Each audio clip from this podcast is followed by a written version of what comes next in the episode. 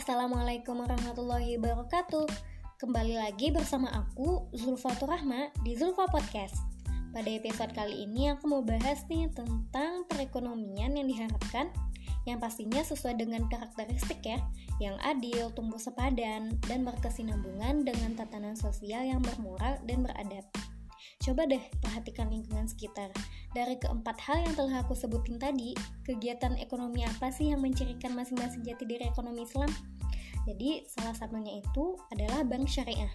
Karena bank syariah memiliki prinsip yang adil, yaitu berbagi keuntungan atas dasar penjualan real sesuai kontribusi dan risiko masing-masing pihak.